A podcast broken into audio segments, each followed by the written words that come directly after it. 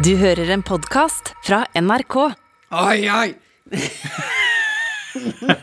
oi, oi, oi. Jeg tar eh, Jeg har funnet en ny eh, måte å, å hoie opp eh, dagen på. Ok. Fordi jeg syns det blir sånn lang, litt langtekkelig å gjøre det på helt lik måte hver gang. Oi! Så nå har jeg tatt en uh, som er Er det noe sjømannsbrød? Ja, det er inspirert av primært Wenche Myhre, egentlig. Ja, de Wenche? Ja, fordi hun har den Oi! Eh, hva heter det? Jeg vet ikke, Kan du bruke det i en kontekst? En sang, f.eks.? Eh, Ja, men det er sånn uh, Å, når man blir sex? Hun tar jo ofte den at hun hoier. Ja. Mm, Hun, Ja. hun drar på liksom, Det er jo en slags variant av Ja. sånn alle andre ting man kan gjøre vokalt, da. Ja, ja. Men, men du snakker om det berømte Wenche Myhre-growlet? Ja, det er det jeg snakker om. Eh, Så du myrer opp eh, hverdagen, da? jeg myrer opp hverdagen. 50 eh, eh, kvinne, 50% stort kattedyr. Ja, Og da er vi i gang! da er vi i gang. Eh, vi var på en ferie i Indonesia en gang, og der var det da ikke internett. Eh, så der gikk vi på en smell når du reiser med barn, ikke sant? fordi en har jo tenkt at mye av den fritida på ferien skal vies, på en måte. Det skal være en, eh, på nettbrettet. Ja, på nettbrettet var i hvert fall vår plan, da.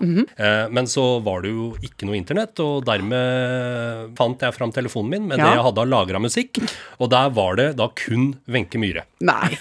Hvorfor det? Ja, fordi jeg hadde spilt faktisk, hold dere fast, i Wenche Myhres 70-årslag. Ja, nå må jeg holde meg fast. Nå holder jeg meg fast med begge hender, jeg nå. Ja. Å, er det sant? Det, ja, det er helt sant. Var du DJ i Wenche Myhres bursdag? Absolutt. Det var kjempetrivelig. Og Ja. Lilly Bendriss eh, dansa utfordrende til eh, det meste jeg spilte, og det var gøy. Ja.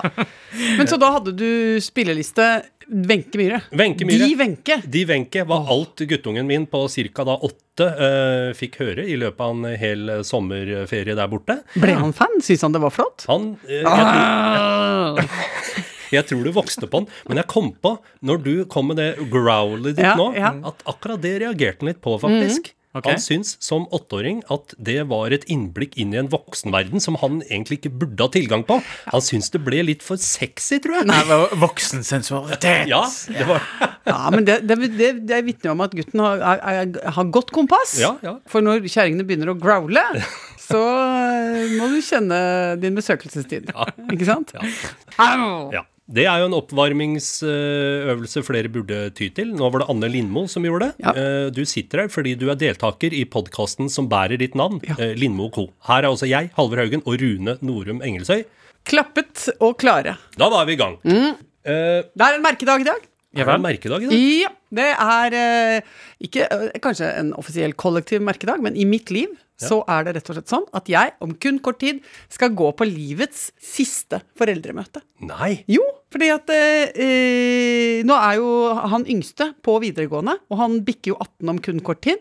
Eh, men han går på en skole hvor de fortsatt med jevne mellomrom inviterer foreldrene inn til forskjellige typer informasjon osv. Og, så videre. og da kjente jeg at jeg ble litt vemodig, og nærmest litt rørt. Fordi det er jo en terskel i livet. Eh, Det er det første foreldremøtet, det husker man veldig godt. Eh, Da stiller man jo med eh, pussa sko og, og blokk og blyant og er veldig sånn parat og vil, vil prestere godt som forelder. Eh, og så har du alle de 3000 foreldremøtene etter det. De mørke åra. Mhm, hvor du på en måte er litt sånn og sitter og halvsover litt og sånn. Og så i dag, bang! Eh, brått på! Som jo alle sånne ting kommer, så kommer mitt livs siste foreldremøte. Men hva er det du kommer til å savne? Jeg, jeg, jeg, det, blir jo, det, det blir siste gangen jeg går inn i en bygning som lukter litt av sånn slitt linoleum, eh, eh, fermenterte gymbager, eh, ungdomshormon og, og litt slapt renhold. Eh, og, og setter meg tett i tett med en masse andre voksne og eh, retter oppmerksomheten mot et ivrig, pedagogisk, talentfullt menneske som liksom forsøker å fyre oss opp og gjøre oss både informert og engasjert i, i barna våre sin fremtidige da, eh, utdannelsessituasjon. Uh, og, så, er det all den deilige stirringen i bakken når det kommer sånn håndsopprekning. Hvem er det som kan ta verv? FAU, klassekontakt osv. Jeg brøt jo sammen veldig tidlig i det derre trykkende kollektive presset av hvem er det som kan være klassekontakt. Eh, så jeg meldte meg jo frivillig. Du gjorde det. Ja da, og det gjorde jeg da i ti år på rad. ti år på rad gjorde jeg det. Jeg var jeg klassekontakt. Og eh, nå er det slutt. Ikke sant? I dag er det siste gangen. Og da vil jeg bare si det til alle dere som, eh, som sitter og, og gruer dere og syns at det er for mye mas med alle disse foreldremøtene. Det kommer en dag hvor dere savner det, fordi det tilhører en tid som er forbi. Jeg skal prøve å huske det eh, neste gang jeg skal på foreldremøte. Jeg har jo noen år igjen, Ja. eh, og føler at det har vært mange, jeg lagt mange mislykka foreldremøter bak meg eh, hittil. Eh, jeg husker jeg prøvde å ta en vits en gang. Vanskelig Nei. rom å ta en vits i. Nei, du må, det må du tenke. Altså, inn, hvis du går inn i et foreldremøte, så må du tenke minste felles multiplum. Ja. Eh, Det kan jeg se for meg. Du må legge deg eh, midt på treet Ja. på både meninger, humor, Ja. kroppsspråk og ikke, sånn, ikke spille ut noen politiske meninger eller, eller liksom røske opp noen debatter om sånn Er det for mye snillisme i dette samfunnet? Eller sånn. Ikke liksom. vær den som tar hull på ballongen. Nei, den må bare ligge lavt, og, og, men allikevel bidra med rak rygg og åpne øyne, syns jeg. Det, jeg prøvde ikke å være sånn fryktelig morsom, jeg prøvde å være sånn humremorsom. Hva slags uh, type humor la du deg på? De skulle på klassetur, Ja. og så var det snakk om uh, ja, diverse begrensninger som skulle legges da i forbindelse med hvor mye penger skal de ha med seg. Det blir grense på så og så mye. Ja. Uh, husk, Når skal de sove? Når skal de sove, Ja, ja, etc. Mm. Uh, og så kom det til punktet våpen. Altså det er ikke lov å ha med seg kniv, f.eks. For, eksempel, for det er jo mange som kan tenke kanskje de kan ta med seg en spikkekniv. Nei, det var ikke greit. Nei, viktig å si fra. Ja, så ble det snakk om det, og så tenkte jeg at jeg skulle prøve å løsne opp litt i stemninga, da vel. Så spurte jeg hvordan det var med stumpe gjenstander, slagvåpen etc. Jeg tenkte da at folk skulle humre litt lett, og så skulle vi gå videre. Det var litt for å få fortgang i det òg, da. Ja. Ja. Det ble ikke Det gikk ikke bra. Det var ikke gøy. Da ser du hun ved siden av deg noterer stumpe gjenstander. Altså, folk er på en måte, Du har mista deg sjøl litt, så du klarer liksom ikke At noen begynner med humor, det blir for mye. Nei, det gikk Åh. ikke bra. Hva kommer du til å ta opp på foreldremøtet i dag?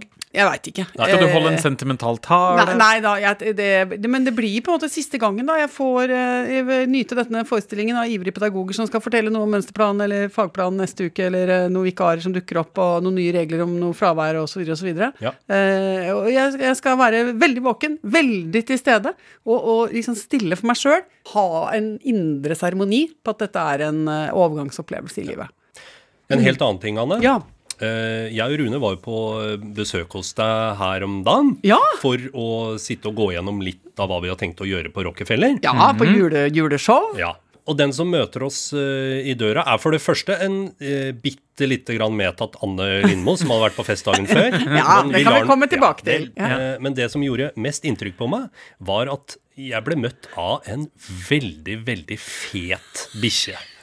Og det er altså bamse vi snakker om? Ja, for forrige gang jeg så bikkja di Ikke Fatshame Bamse! Skal vi fatshame Bamse? Jeg var litt usikker på om jeg turte å, å ta det opp, faktisk. For jeg vet ikke hvordan reglene Nei, er. fordi det er ikke så, man kan ikke gjøre det med ungene til folk. Nei, det går ikke. Ikke. Det kan man jo ikke si sånn. Du, hyggelig å se Men- han eldste hos dere, men han er blitt fet. ikke sant? Det går jo ikke. Nei, det går ikke, Og det går går jo ikke med mennene heller. Nei. Eh, ikke før man er blitt 80 pluss. Da sier man plutselig det. De er helt De er, de er helt skamløse. Nei, men gud, se på Kjell Otto, han har blitt så feit.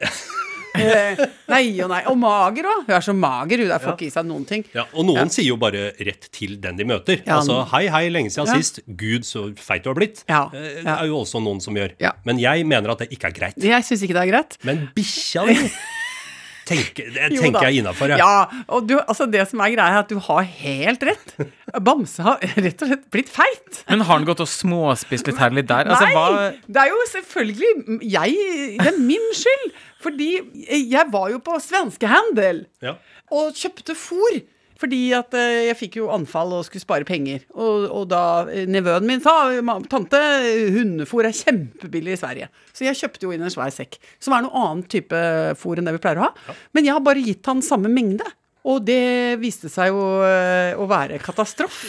slags kraftfôr for hund? Og så etter at, fordi egentlig så, Det var veldig bra at du kom. fordi du vet når, når, når virkeligheten plutselig blir definert fra noen andre, så blir det en realitet. Så etter at dere var gått ut den dagen, så eh, tok jeg fram den fòrsekken, og så så jeg virkeligheten i øynene.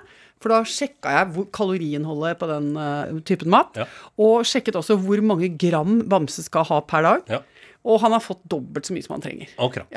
Så han er jo overfora. Men du bor jo i en del av byen eh, som vi jo har omtalt før, Skillebek. Ja. Eh, og der har du jo veldig mye fint og flott. De Ja. har jo hundefrisører. Ja. De har også folk som kan lufte bikkja di for deg. Ja, og de har også, eh, som jeg har hørt om fra en av naboene mine, så er det et sted hvor du kan ha eh, altså hundene kan svømme i vann. Altså bassengtrening. Ikke sant. Og kanskje Bamse da må begynne med bassengtrening. Ja. Kanskje det også i det her miljøet finnes hundetrenere, Ja. altså hundeslankere? Det tror jeg det fins. Slags Grete Rode for hunder? Ja, det tror jeg fins på Happenstock, eller hva det heter for noe, som ligger ved siden av meg, som er så flott treningssenter at du nesten ikke trenger å trene der inne. Du kan bare gå inn og være Ja, ja. menneske, og Ja. du kommer til å bli tynnere, penere og mer strømlinjeformet av det, rett og slett, fordi det er så delikvat. Ikke sant? Og det er noe med ting som er delikvat, det gjør at du bare blir delikvat selv også. Så der, jeg skal sende Bamse inn der. Du må rett og slett ha en konsultasjon, og så tror eh, den som skal konsultere, at det da handler om deg, men Ja. så er det Bamse. Det er et uventet, uh, en uventet vektøkning, med altså nå en veldig høy BMI, men ikke sant? fortsatt veldig vital, veldig til stede i livet sitt, og Ja. veldig mobil type, men kan med hell nå få satt inn et støt og få litt hjelp. Oh, det, jeg gleder meg til å få små videosnutter Ja. av Bamse på en tredemølle. Ja, Hvis jeg sier at, eh, for å si sånn, pris har ingen betydning, jeg vil bare ha en delikvat hund, Ja, ja. som er mitt aller viktigste mål. Kan eh, jeg få lov å tilstå eh, en ting til? Bikkja har blitt fet, og jeg har eh, eh, jobber aktivt faktisk med å fortrenge at det er jul. Og ja vel? Ja, jeg gjør null forberedelser. Ja, men jeg vet ikke helt hva det er, om det er liksom alder eller klima eller hva det er for noen ting, men jeg syns også at det blir vanskeligere og vanskeligere å liksom dra i gang ordentlig julefølelse. Ja! Å, Så, ja, men jeg gjør det. Jeg er jo veldig glad i jul, sånn i utgangspunktet. Men i år så tenkte jeg ok, men da får vi gripe fatt i noe av det mest julete som fins. Ja. Eh, og i min verden, som er veldig fordypa i jul, så er det en god, gammeldags engelsk julekake. Og hvem er dronninga av engelsk julekake? Jo, det er Anne B. Ragde. Eh, hun har jo vært på programmet vårt og eh, fortalt om en nydelig bakverk. Og stemmer! Hvor som tar masse tid. Det tar kjempelang tid. det må passes som et foster er eh, i mors liv. Så bra må det passes på. Ja, det må det. Ja. Så det her eh, tenkte jeg, det er jo det perfekte prosjektet for meg, som både er glad i jul og bakst. Så jeg gikk online, fant oppskrifta og bestemte meg for at nå setter jeg i gang. Og det er så nydelig. Det første du gjør, er at du tar en halv kilo med tørka frukt og dynker det i konjakk. Ja.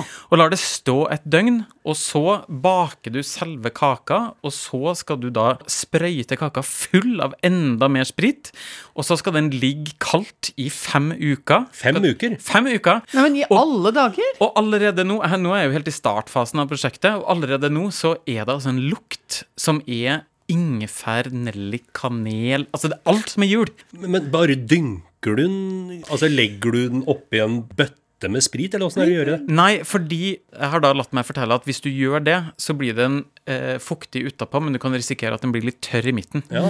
Så eh, da måtte jeg gå på apoteket og eh, kjøpe en sprøyte. Det er første gangen jeg har kjøpt sprøyte. Eh, for å da eh, injisere sherry inn i kaka. Oi, oi, oi! Og hun på apoteket eh, hun så litt rart på meg. Eh, og så sa hun ehm, ja, skal du sette den muskulært, eller hva du skal Og For det slo, også- ja. ja, men det slo meg når jeg sto og kjøpte sprøyta, at å ja, selvfølgelig har de sikkert noen kontrollspørsmål, sånn at folk ikke skal bare komme inn og hamstre Ja. sprøyta til litt sånn Ja, til litt sånn helseskadelig bruk. Kunne Så- jo gått på det sprøyterommet nede i Dronninggata. Altså, der har og satt meg med kaka mi. Ja, sant. Det syns jeg hadde vært litt koselig. ja. Altså, Unnskyld meg, der er det veldig eh, høyt under taket og lav terskel. Og Ja. mye, det, er jo, eh, det er jo fine folk som driver det. Og gode, fine medmennesker som går innom der òg. Ja, det kunne jo vært litt hyggelig å bli kjent Ja. med litt nye folk Ja. utenfor min egen krets. Så hvis Ja. jeg tar med meg julekaka Altså, en gang i uka, og så setter vi oss, og så Får en god passiar. Ja. da vil du få åpna noen horisonter og få noen menneskemøter som du ikke vanligvis gjør. Og jeg mener også at det ville vært viktig for å dra bort stigma fra de eh, folka som, som er i den livssituasjonen. Dette mener jeg faktisk helt alvorlig. Da. Mm. Eh, at de bruker eh, sprøyterommet. Det er jo stigmatiserende, men det syns jeg ikke det burde være. Derfor så burde denne praktborgeren, mønsterborgeren Rune, sitte der nede med julekaka si innimellom og bare være en, en bruker. Men hva sa du til henne på apoteket? For det er jo en litt sånn innfløkt forklaring på Ja. hvorfor du skal ha disse sprøytene. Det første som skjedde, var at jeg ble flau. Med tanke på at jeg måtte forklare hva jeg faktisk skulle bruke den til. Så da var jeg på nippet til å komme en løgnhistorie Ja. eh, om et eller annet. Men jeg begynte å famle veldig, så da gikk jeg for sannheten og overforklart Ja, eh, hva jeg skulle bruke sprøyta til. sant. Og du tok, da, for det, hvis jeg hadde vært deg, så hadde jeg begynt med for mye informasjon. Ja, Du ja. skjønner det. Jeg og Anne B. Ragde Altså, jeg hadde holdt på masse og, og forklart for mye. Det var det jeg begynte med. Mm. Og så så jeg på en måte at rullegardina gikk litt ned på hu bak skranka der. Så tenkte jeg ok, men nå er du en rar eh, litt eh, mann midt i livet som står og babler i vei om sherry og sprøyter og Anne Bragde. Det her det tar seg ikke ut. Eh, så eh, jeg bare runda kjapt av. Hun tenkte sikkert bare 'jeg håper han får hjelp'. ja. Kan noen bare hjelpe den her mannen? Ja. Nå kom jeg på at det eneste stedet jeg har satt sprøyter, det er i en, eh, en kalkun. Eh, men det var også litt grotesk. For da hadde vi fått tak i en eller annen oppskrift hvor det var måten å redde eh, altså- Kalkunen fra den sikre tørrhet. Ja, og Skaperverkets fæleste fugl, som jeg kaller kalkunen. Som jo er eh, en skapning som ikke Gud ønsket seg, ikke sant? Eh, det ville han jo ikke ha, egentlig. Det var feil vare. Ja. Og den er jo uh, fæl og, og vanskelig å få stekt, og, og mye annet som er mye bedre på smak òg. Men så da må man jo gjøre alt man kan for å hamle opp med det dyret, og da kan man legge Jeg har lagt det i lake en gang òg, Ja. men det mest groteske var den sprøytekalkunen. Den Men tok du fett eller noe sånt? da? Fløte. Altså, ja, fløte. fløte. fløte. Sprengte fløte inn i kassa og inn i musklene og inn overalt på den fuglen. Da. Men det, det skal sies, det var den saftigste kalkunen jeg har fått til. Ja. Men eh, ok, men jeg satte pris på denne historien om julekaka. Eh, Den økte eh, julestemningen inni meg med 3,7% Ja, men det er 3,7 eh, mer enn ingenting. Ja, så det er vi fornøyd med. Det, det er nesten sånn at Arbeiderpartiet ville vært fornøyd med det. og politisk satire. Ja.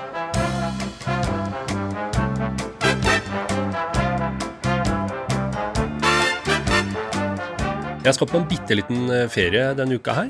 Eh, ja, hva er det som har skjedd med det?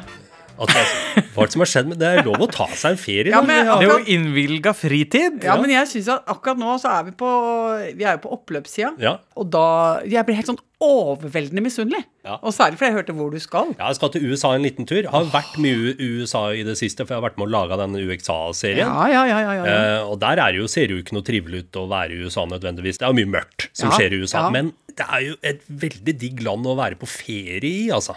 Ja. Helt konge, faktisk. ja, og særlig det store eplet, da. Ja, jeg skal til New York en tur, Ja. og jeg gleder meg nå helt vilt. For det er, sånn, eh, det er så digg å være på ferie der, fordi det er liksom ikke noen regler, på en måte. Eller eh, alt er liksom tre knepp eh, gøyere. Ja. Hvis du skal på kino, eksempel. Ja, det er tre ganger så gøy som hjemme. Tre ganger så gøy Ja, som hjemme. For skal du inn der, og så skal du ha med deg noe å drikke, da? Eller vi har alt, vi. Ta med deg en øl. Nei, jeg tar brus, jeg. Hvor, skal, hvor stor brus skal du ha? Jeg skal ha liten brus. Ja, her har du åtte desiliter brus. Det er det minste vi har. Ja, det er li smål. Men er klart, New York er jo en litt sånn mer sånn vanlig storby, på en måte. Altså, Andre steder i USA er det jo enda gøyere, på en måte, sånn eh, når det gjelder å sprenge grenser. Ja, ja, vi var i Las Vegas, eksempel. Det går an å leie seg tanks. Det syns jeg er gøy. Men kan du Jeg gjorde det ikke. Nei, men kan du bare kjøre på en bane, da, eller? Ja, da tror jeg du kan Ja. kjøre på en bane, men du kan også leie deg bazooka. og da må du Skyte? og, og sprenge biler. Og det, og det, det får jeg ikke gjort i New York, selvfølgelig. Nei, det er klart. Men det er sånn hvis, Norge kunne ha vært sånn hvis østfoldinger hadde fått bestemme hva slags regler vi skal ha. det er min tese. Eh, Ok, vent litt nå. Norge hadde vært mer som Amerika hvis Østfold hadde fått bestemme. I 1814, Ja. når vi skulle sette en Ja. grunnlov, Ja. og nå skal vi bli enige om noen kjøreregler Ja. her, Ja. og så hadde det vært 99% østfoldinger i det rommet, Ja. da hadde vi hatt det sånn. Skal det være lov med bazooka? Ja, det skal det. Ja, det, det tror skal det. nesten, ja, det tror jeg nesten det ja. må. Hvor store kopper skal vi ha? Kjempestore kopper. Kjempestore Ja. kopper. Men hva annet? Du gleder deg til å gå på kino? Eh, Du skal gjøre, har du noen høydepunkter? Er er det noe som er rosinen i pølsa? Ja, jeg skal på basketballkamp. Å, det er gøy. Det står på bucketlista mi, og nå får jeg kryssa det av. Herregud. Ja, for du har helt seriøst bucketlist, Halvor. Ja, jeg har begynt på den nå, som Ja. er blitt såpass uh, opp i åra. Ja. Så jeg har begynt å liksom bare tenke etter hva er det jeg skal få gjort før jeg dauer. Ja. Uh, Er det alt interkontinentalt, føler du? Eller har du bucket i Norge òg? Nærbucket. Har du nærbucket? jeg må jobbe litt med nærbucket. Ja, én Ja. er kanskje å ta seg en eh, kanotur på Kløset i Rakstad. Men jeg har jo bare kortreiste buckets. Ja. Nesten, altså Jeg har ingen interkontinentale bucket uh, Jeg har f.eks. avskrevet hele kontinenter jeg, som jeg ikke skal besøke. Det, du òg? Ja, ja. Nei, men altså, jeg orker ikke mer Asia. Det, det, det gidder jeg ikke For mer. hele Asia. Ja, hele. Både det fjernøsten og det nære østen, på en Nei, måte. i hvert fall det fjerne, ja. Den to-tre milliarder mennesker ja. vi ikke bryr oss men, om Ja, men jeg bryr meg jo om dem. Men jeg vil jo ikke På besøk. Jo, de vil ikke ha meg heller. Nei, Du er for stor og for hvit. Ja, jeg er for fet. Ja. Nei, det er du ikke. Jo, jo, men altså, det er som med bamse, ikke sant. men du er for stor, ja, for høy. you too big! Ja. Har for mye plass. Det har jeg fått høre før. You too big! sa de til meg når jeg kom til Indonesia. Og det er jeg helt enig i. Ja. Det er ingenting der som er bygd for meg og Hasse. Det blir bare kluss. Ja. Og vi blir svette, og vi lukter vondt, og vi får gniss, og alt er bare kjempeteit. Okay. Men hva med Midtøsten? Vanskelig. Ja, Ikke det? Afrika? Nei. Ja, Ja, men Afrika er jo så mye forskjellig. Ja, men Jo, jo. eh, jeg vil ha det enkelt. ja Ja. enig i dette. Og, og, og sånn er det med det. Så jeg har veldig enkle bucketlist-ting. Ja. Hva med deg, Rune? Men jeg begynte å tenke på det nå når vi snakka, og jeg har også et par sånne reiseprosjekter jeg har lyst til å gjøre. Det ene er å gå ned en 10-15 kilo, og så dra til et eller annet sted sør i Amerika, og så spise meg opp langs østkysten. østkysten. Fordi der er det mye langkokte kjøttretter, det er mye feit mat, det er mye friterte ja. ting. Comfort food. Ja. De fleste av mine drømmereisemål er jo blitt det av mat. Ja. Jeg har jo en drøm nå om å reise til Ukraina. Det passer jo dårlig. Ja. Men i går så jeg et bilde av en ukrainsk matrett. Det var altså en eh, form for suppe servert oppi et kålhue som bare hadde Hula ut. hula ut kålhue, suppe oppi der, Ja. ved sida av brød og skiver av speka flesk. Å, det er godt. Åh, et salo heter det på ukrainsk. Det er sånn eh, bare noen skiver av Ja. baconfett eller ribbefett. Ja, ja, det har jeg fått, ja. fått i Riga òg. Oh. Ister. Altså, det er rent fett. Rent fett! Det er så godt at det er ikke til å holde ut. Med sprit til er det så nydelig at hjelp! Ja. Vi har jo fått veldig mye nye ukrainske venner her Ja. til lands, så jeg vil bare oppfordre, hvis det er noen av dem som hører på, kanskje som et ledd i norskopplæringa, Ja. eh, start en restaurant, da, og så server sånn Å, det hadde eh, vært koselig. Hadde ikke det vært koselig? Vi så heter bare Slava Ukraina, liksom. Ja. Og er eh, blågul og fin. Og oh. bare har kål og Pirogis og Oi, oi, oi.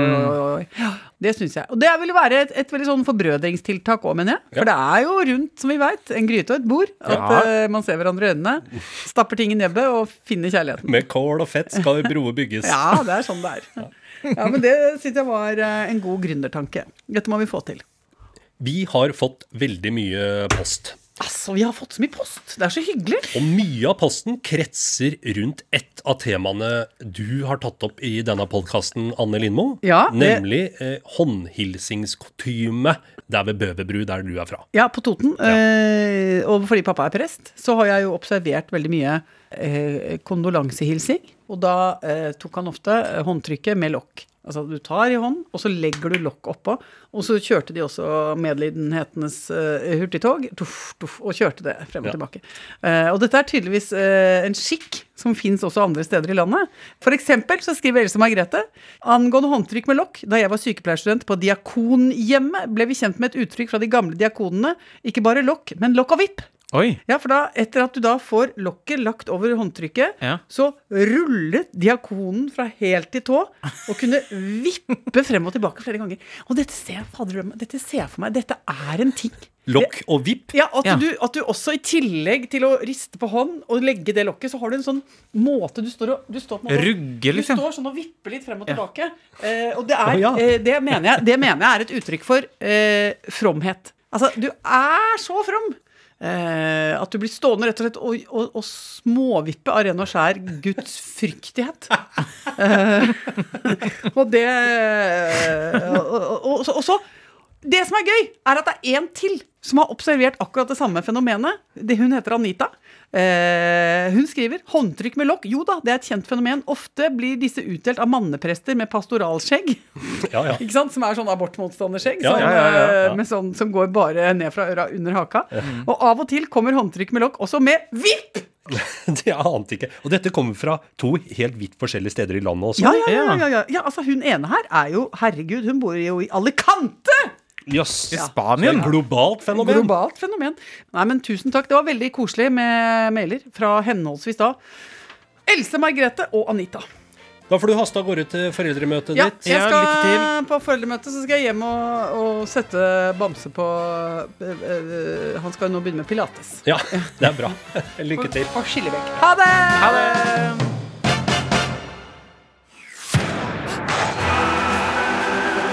Heia VM. Heia VM? Heia VM. Tette Lidbom. Ja, det er jo et spørsmålstegn der, hører jeg, Sven. Svaret mitt er på en måte ja takk, begge deler. Ja, i Heia VM så skal vi heie på det vakre spillet på banen, iallfall. Ja, og vi skal kritisere og se på med lupe det skitne spillet som foregår på bakrommet. Yes, det blir det beste fra tidenes minst elskede VM. Yes. Nydelig! Hør Heia VM i appen NRK Radio.